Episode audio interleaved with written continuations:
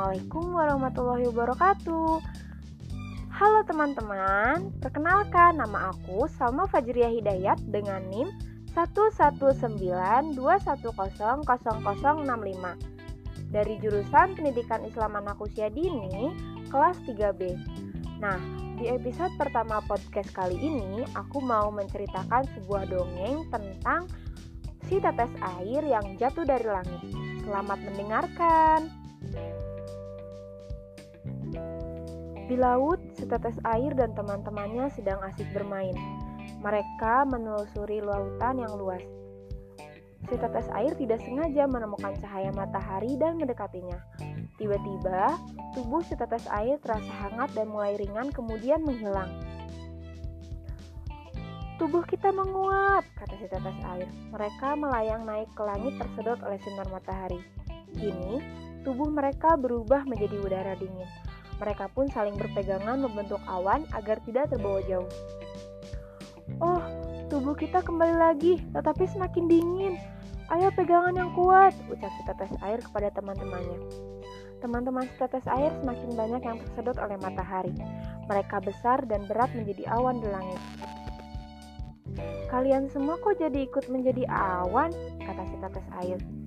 Iya, kami tidak kuat menahan panasnya matahari, hingga tubuh kami ringan dan menguap terbang ke atas, kata teman-temannya bergemuruh.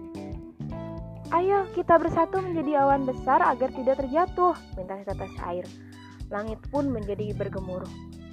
Ketika mereka saling berpegangan, datang angin mendorong mereka. Mereka tergerak mendekati pegunungan. Tubuh mereka digoncang angin dan dibenturkan ke pegunungan. Karena tidak kuat lagi saling berpegangan, mereka pun terjatuh ke bumi.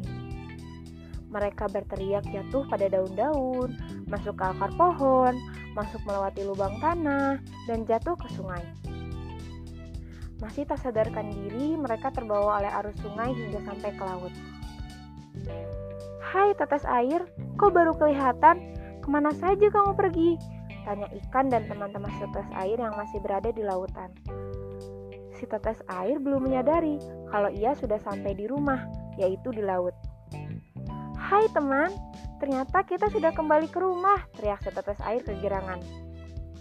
Semenjak kejadian itu, setetes air dan teman-temannya menjadi senang dan tidak takut lagi jika terkena sinar matahari. Mereka pun selalu bermain dengan cahaya matahari agar bisa terbang menjadi awan, kemudian jatuh menjadi tetesan-tetesan hujan dan pulang lagi ke laut. Nah, itu tadi dongeng tentang si tetes air yang jatuh dari langit. Terima kasih yang sudah mau mendengarkan. Wassalamualaikum warahmatullahi wabarakatuh. Bye bye.